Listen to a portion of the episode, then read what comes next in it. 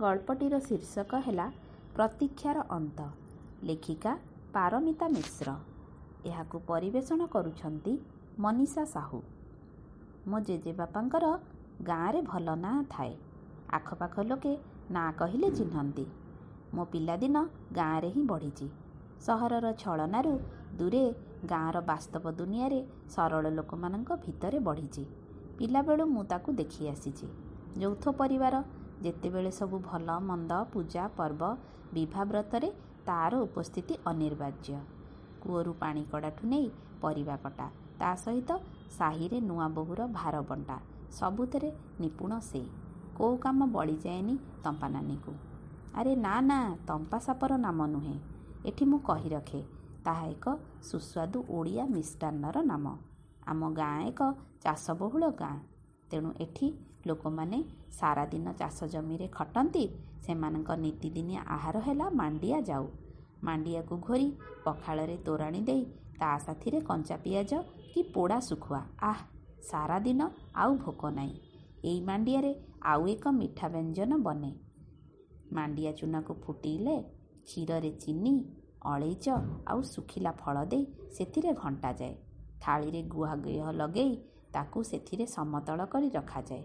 ସମ୍ପୂର୍ଣ୍ଣ ଥଣ୍ଡା ହେଲା ପରେ ତାକୁ ଗଡ଼ି ଗଡ଼ି କରି ଖିଆଯାଏ। ସତରେ ଭାରି ସୁଆଦିଆ ଏ ବ୍ୟଞ୍ଜନଟି। କହିବା ବାହୁଲ୍ୟ ପାଠକ କେହି କେହି ଏହି ତମ୍ପା ନାମ ସହ ପରିଚିତ ନଥିବେ। ତେଣୁ ଯଦିଓ ତମ୍ପା ରୂପରେ ଅତ୍ୟନ୍ତ କୁରୂପ କିନ୍ତୁ ସେ ଗୁଣର ଖଣି। ବଡ଼ ଆଶ୍ଚର୍ଯ୍ୟ କଥା ଯେ ମୋ କାହାଣୀର ନାୟିକା ତମ୍ପା ନାନୀ ଦେଖିବାକୁ ଖୁବ୍ ସୁନ୍ଦର ଗୁଣରେ ବି ଭଲ। କିନ୍ତୁ ନାଁଟି ଯେ କାହିଁକି କେଜାଣି ତମ୍ପା? ତା ସହ ମୋ ସମ୍ପର୍କ ଯେ କ'ଣ ମୁଁ ବିଶେଷ ଜାଣେ ନା। ମୋ ଜେଜେଙ୍କୁ ସେ କାକା ଡାକେ ମୋ ବୋଉ ଖୁଡ଼ିକୁ ସେ ଭାଉଜ ଡାକେ ଆଉ ଘରେ ସବୁ ତାକୁ ନାନୀ ଡାକନ୍ତି। ତ ମୁଁ ବି ତାକୁ ନାନୀ ଡାକେ। ବୋଉ ତା'ର ପରିଚୟ ଥରେ କହିଥିଲେ କିନ୍ତୁ ସେସବୁ କଥା ମୋ ମୁଣ୍ଡ ଉପର ଦେଇ ଚାଲିଗଲା। ତେଣୁ ମୁଁ ବି ଆଉ ତା ପରିଚୟ ଜାଣିବାକୁ ଚାହିଁଲିନି। ସେ ଥିଲା ଆମ ତମ୍ପା ନାନୀ। କପାଳରେ ମେଞ୍ଚାଏ ସିନ୍ଦୁର ଯେ ଚୁଟି ଧୋଇଲେ ବି ତା'ର ସିନ୍ଦୁର ଯାଏନି। ଗୋଡ଼ରେ ଅଳତା ରଙ୍ଗ କେବେ ବି ଫିକା ପଡ଼େନି। ତା'ର ଗଭାରେ ନୀତି କି ନାଇଁ ଫୁଲଟେ ମାରିଥିବ ସେ। ଆଉ ଦେହରେ ତା'ର ଏମିତିରେ ବି ହଳଦୀ ରଙ୍ଗ। ଆମ ଘରଠୁ ଅଳ୍ପ ଦୂରରେ ତା'ର ଘର। ନୀତି କାଖରେ ଗୋଟିଏ ଲୁଗାକୁ ଜାକି ଆର ହାତରେ ମେଞ୍ଚେ ଗୁଡ଼ାକୁ ଧରି ଆମରି ଘର ଦେଇ ବନ୍ଧକୁ ଗାଧେଇବାକୁ ଯାଏ। ମୋତେ ଦେଖିଲେ ପଚାରିବ ଝିଅ ବଇଚୁ? ଅଇଥା ମୁଁ ଆଉଚି। ତୋ ମୁଣ୍ଡ ଆମ୍ପି ଦେବି। ସାବିତ୍ରୀ କି ଦଶହରା ପୂଜା ଆମ ଘରେ ହୁଏ। ସମସ୍ତଙ୍କ ଆଗରେ ଆସି ସବୁ ଗଲା ପରେ ସେ ଯାଏ। ବଡ଼ ସୁନ୍ଦର ସୁନ୍ଦର ଦିଶୁଥାଏ ସେ ସେଦିନ। ସତେ ସାହି ମାଇକିନାମାନେ ତାକୁ ଦେଖି ଟାହି ଟୁପୁରା କରନ୍ତି। ଉଃ ତୁଚ୍ଛାକୁ ଏତେ? ମୁଦି ନାହିଁ ଗୋଡ଼କୁ କଚାଡ଼ୁଛୁ କେତେ? ଗେରସ୍ତ ମଲାଣି କି ଗଲାଣି? ମାଇପର ରଙ୍ଗ ସରୁନି। ଦେଖୁନ ବୁଢ଼ୀଟେ ହେଲାଣି। ଆହୁରି କେତେ ସଜେଇ ହେବାକୁ ମନ? ତମ୍ପାନାନୀ ସତେକି ଶୁଣିକି ନ ଶୁଣିଲା ପରି ଅଭିନୟ କରେ।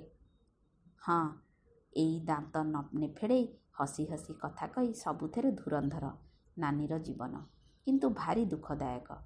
ପିଲାଟେ ହୋଇଥିଲା। ବିଭା ହୋଇ ଗେରସ୍ତ ସାଙ୍ଗରେ ଏଇ ଗାଁକୁ ଆସିଥିଲା। ସାନ ପୁଅ ଜନ୍ମ କରିବାକୁ ମା ଘରେ ଅଛି ଶୁଣିଲା। ତା ସ୍ୱାମୀ କୁଆଡ଼େ ଚାଲିଯାଇଛି? ଶାଶୁ ତ ତଣ୍ଟିଆ ଦେଇ ଘରୁ କାଢ଼ୁଥିଲା। ହେଲେ ହାତରେ ସୁନ୍ଦର ଗୁଲୁଗୁଲିଆ ନାତି ଟୋକାକୁ ଦେଖି ତା ମନ ତରଳିଗଲା। ଅଛି ଯେ ଅଛି ସେ ଏବେ ବି ଆସି ବୁଢ଼ୀଟେ ହେଲାଣି। ଯୋଡ଼ିଏ ପୁଅ ଜନ୍ମ କରିଥିଲା। ସାନ ପୁଅ ତ ମାଇପକୁ ଧରି କେଉଁଠିକି ଯାଇ ରହୁଛି। ଆଉ ବଡ଼ ପୁଅଟା ଭଲକୁ ନାହିଁ କି ଭାଲକୁ ନାହିଁ? ତା ନାଁଟି ବି ଭୁଲା। ଗୋଟିଏ ହାତ ପୁଣି କେମ୍ପା। ହେଲେ ଧକ୍କା ମାରିଲେ ବି ମାଆକୁ ଛାଡ଼ିକି ଯାଏନି। ନାନୀ କେତେଥର ତାକୁ ଘଉଡ଼ାଏ। ତୁ ଯା ତୋ ଜୀବନ ଜିଇଁବୁ ରାଗିକି ଚାଲିଯାଏ। ଭିକ ଭୁକ ମାଗି କେତେ ଜିନିଷ ଏକାଠି କରି ପୁଣି ଫେରିଆସେ ଭୁଲା ତା ମା ପାଖକୁ। ପଚାରିଲେ କହେ ମୋ ନନାକୁ ଖୋଜି ଯାଇଥିଲି।